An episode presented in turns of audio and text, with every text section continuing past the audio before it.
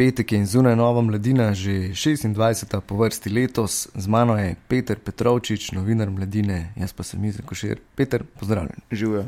Tokrat imamo zelo, zelo občutljivo temo in sicer uh, pisal si o izpovedi ženske, ki jo je še kot otroka zlorabil uh, duhovnik. Kako je do tega prišlo, oziroma za kakšno zgodbo pravzaprav gre?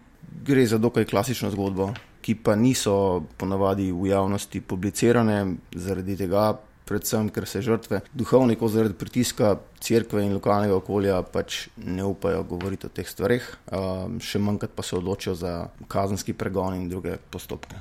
Za zunanje opazovalce je ponovadi nepredstavljivo, kako lahko sploh do takšnih incidentov pride. Kaj je uh, povedala žrtev? Te zgodbe, kot rečeno, so zelo podobne ena drugi. Povedala je pač tudi določene podrobnosti o tem, kako je zloraba potekala, ko je bila ona še otrok. In to je zelo, zelo, eh, zelo težko poslušati. Predvsem je težko poslušati to, eh, še težje pa je poslušati potem izpovedi žrtev. In poslušal sem izpovedi več žrtev duhovnikov o tem, kako so se potem duhovniki zagovarjali pred zlorabami v lokalnem okolju ali pa celo na sodišču, če je do tega prišlo zdaj zagovarjajo se na način, da pravzaprav se ni zgodilo nič, da gre za izmišljotine, da so bili zgolj prijazni do, do otrok ne, in so si potem uh, očitno žrtve to izmislile.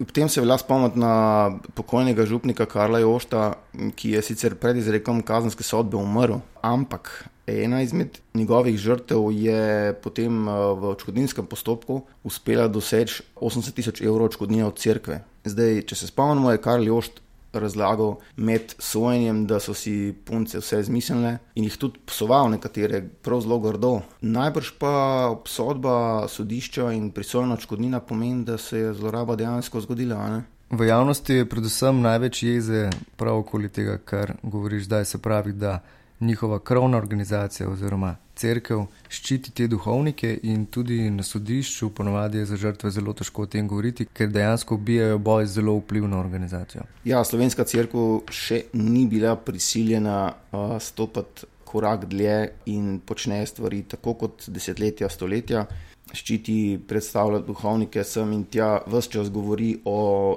tem, da je potrebno biti previden, da se pokrivam ne bo koga obtožil, obsodil, nič pa o žrtvah. Uh, ampak tudi v Sloveniji bo prišel čas, ko bojo mogli pravzaprav si naliti čistega vina in bodo posledično morali pristati na resnejšo sistemsko preiskavo zlorab v preteklih desetletjih, stoletjih v uh, slovenski katoliški cerkvi.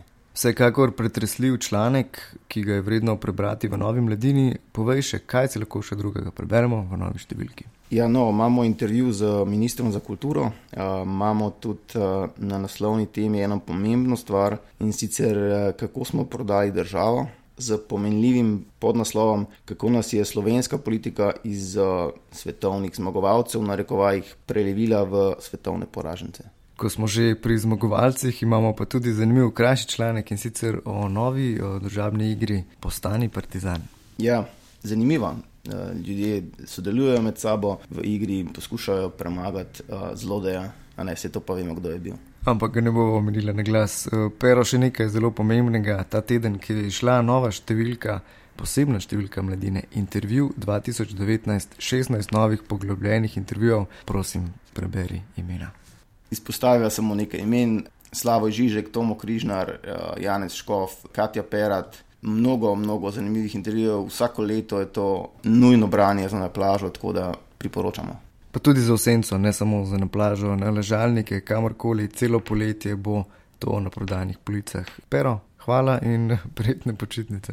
Hvala tebi, izi enako.